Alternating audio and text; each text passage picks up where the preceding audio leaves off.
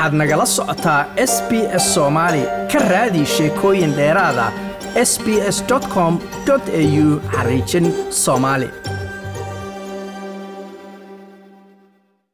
adduunkan ayaa waxaa indhawaale kulansaday dhacdooyin midba mid fadhiisisay. Kuwii ugu hadalhaynta badnaana waxaa ka mid ah saafmareenka covid dhacdooyinkii afgembiga dhicisoobay lagu sheegay ee bishii janaayo ee sanadkan ka dhacay capital hillka washington iyo dabcan isbeddelkii siyaasadeed ee afghanistan.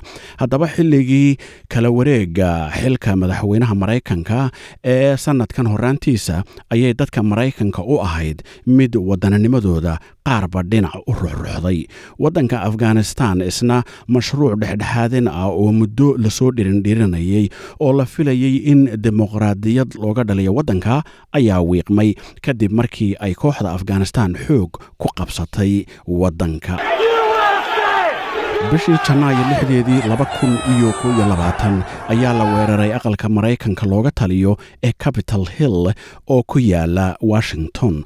Goobtaas oo ah bu'da dimuqraadiyadda maraykanka ayaa waxaa xoog ku galay koox taageerayaal u ahayd madaxweynihii doorashada laga helay donald trump oo markaa diidanaa najiitadii doorashada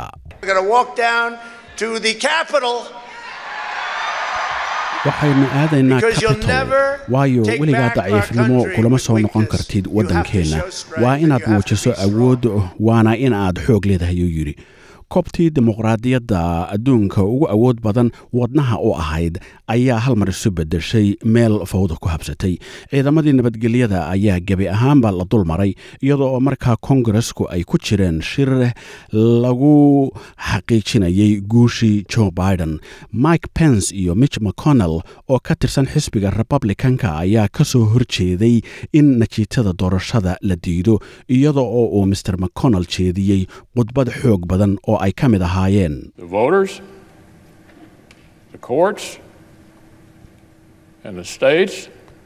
Codbixiyayaashu maxkamadaha iyo dowlad goboleedyada dhammaantood way hadleen. Dhammaantood way hadleen.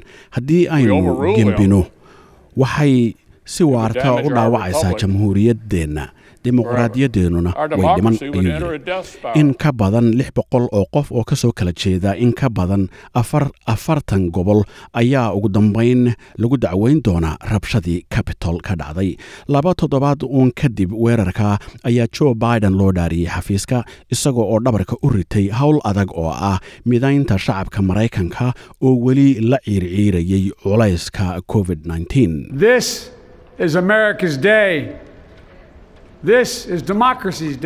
tani waa maalinkii amerika waa maalinkii dimuqraadiyadda maanta oo maanta u dabaaldegi mayno guusha musharaxa ee waxaynu u dabaaldegaynaa guusha qadiyadda. dimuqraadiyaddu way jilicsan tahay saacaddan saaxiibayaal dimuqraadiyaddii baa guulaysatay ayuu yidhi. Dhinaca ruushkana nin si weyn u dhaliilay madaxtooyada putin ayaa si deg deg ah loo xidhay markii uu ku soo laabtay ruushka kadib markii uu ka badbaaday sun. Waa sida loo sheegaye la rabay in lagu dilo ninkan oo la yidhaahdo alexey navalni ayaa sheegay inuu ku faraxsan yahay inuu soo guryo noqday inkasta oo shan bilood ka hor lagu sumeeyey sun la yidhaahdo novijok ma cabsanayo dareen wacan baan ka qabaa gebi ahaanba in aan aado kontaroolka xadka waan ka gudbi doonaa oo aadi doonaa guriga waayo waan saxanahay ayuu yidhi. Laakiin kalsoonidii navalni ma ay sii raagin. Markii uu soo galay kontaroolka xadkaba deg deg ayaa loo qabtay iyada oo la iska dhagatiray codsigiisii ahaa inuu la xidhiidho qareen. Markii maxkamadda la geeyeyna waxaa lagu soo oogay inuu jebiyey shuruudo damaanadeed taas oo uu ku sheegay ujeeddo siyaasadeed oo guracan oo laga leeyahay wuxuuna isku difaacay inuu ku jiray cisbitaal ku yaalla waddanka ingiriiska oo lagaga daweynayay sun uu u dhiman gaadhay. Navalni waxaa lagu xukumay laba sano oo ah howlqabad xoog leh ama xabsi shaqo taas oo hogaamiyayaasha adduunka ka kasbatay dhaleecayn. Xogayaha warfaafinta aqalka cad ee maraykanka jen saki ayaa ka mid ahayd mas'uuliyiintii dhaleeceeyey xabsiga ama xadhigga mr nevalni We reiterate our call for the Russian government to immediately, unconditionally release waxaanu ku Mr. celinaynaa in dowladda ruushku si of deg other deg Russian ah oo shuruud la'aan ah u sii daayaan mr exercising iyo boqolaalka muwaadiniinta ruushka ah oo toddobaadyadii la soo dhaafay lagu xidhay xaqdarro ayay tidhi bishii febraayo markii la soo gaadhay gabadhan cayaarta daanska oo beermiis ah u dhalatay waddanka berma ayaa iska duubtay fiideo ay u samaynaysay jimicsigeedii caadiga ahaa kaas oo adduunka aad looga daawaday.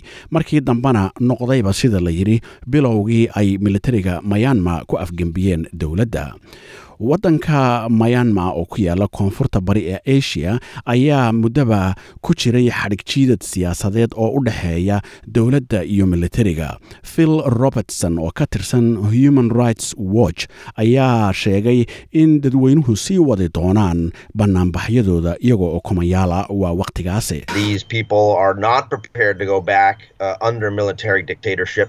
These people are not prepared to go back uh, under military dictatorship. Uh, they've had 10 dadkani years, diyaar uh, uma aha in ay dib ugu uh, noqdaan civil and keligii talis ciidan. toban sano ayay ku noolaayeen xorriyad madani iyo uh, mid siyaasadeed oo ka weyn tii ay waalidkood garanayeen gaar ahaan jiilka soo koraya. Waxaa ka go-an in aanay ciidamadu ku guulaysan inqilaabkooda militari ayuu yidhi.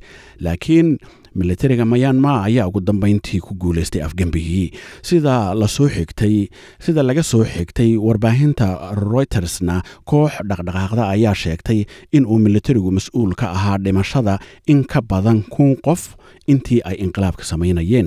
Bishii abril waxaa isna dhulka galay nidaamka caafimaadka ee waddanka indiya. Maalmaha qaarna waxaa waddanka laga diiwaangelinayay in ka badan saddex boqol oo kun oo kays oo covid afar iyo labaatankii saacadoodba. Coronavirusta xuub siibatay ee delta ayaa indiya ku noqotay mid aad ugu fiditaan badan noocyadii hore. Inkasta oo mawjadii labaad ay warmaqabto ka heshay waddanka ayaa haddana iyadana eedda la saarayay oksijiinta oo helideedu macduun noqotay dhakhtarka ugu sarreeya qaybta daryeelka deg dega ah ee indiya dor samit rey ayaa xaaladii markaa jirtay ku sheegay mid rajo la'aan ah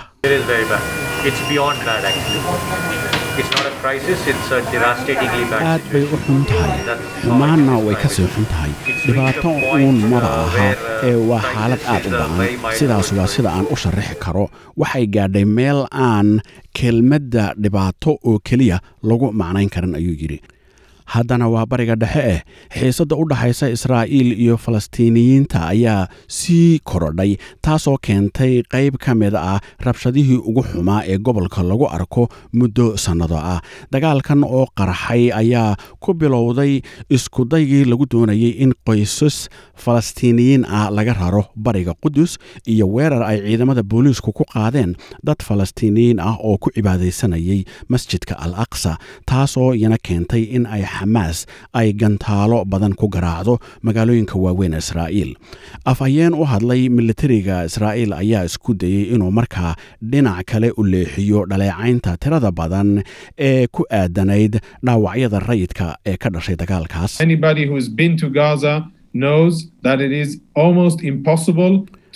Qof kasta uh, oo gaasa surgically tegay wuu og yahay in aanay suurtagal ahayn in si sahlan lagu kala saaro argagixisada iyo kaabayaashooda iyo dadka rayidka ah ee ay argagixisadu dhinac dhinac kasta uga adeegsato gaashaan ahaan ayuu yidhi. Bishii ogostana waxay la timi. Muuqaaladii rajabeelka ahaa ee laga arkayay qaar ka mida dadka reer afghanistan oo isku dayaya in ay ka baxsadaan dalkooda. Markii ciidamada maraykanku labaatan sano oo ay haysteen kadib ay iskaga baxeen afghanistan. Dad raxan raxan u socda ayaa ku cararay dhabaha ay diyaaraduhu ka ordaan ku ordaan aan ee garoonka diyaaradaha ee kabuul iyaga oo isku dayayey in ay koraan diyaaradda ay leeyihiin ciidamada cirka ee maraykanka markii ay kacaysay kabixitaanka deg dega ah ee ciidamada maraykankana waxaa bilaabay madaxweynaha maraykanka joe biden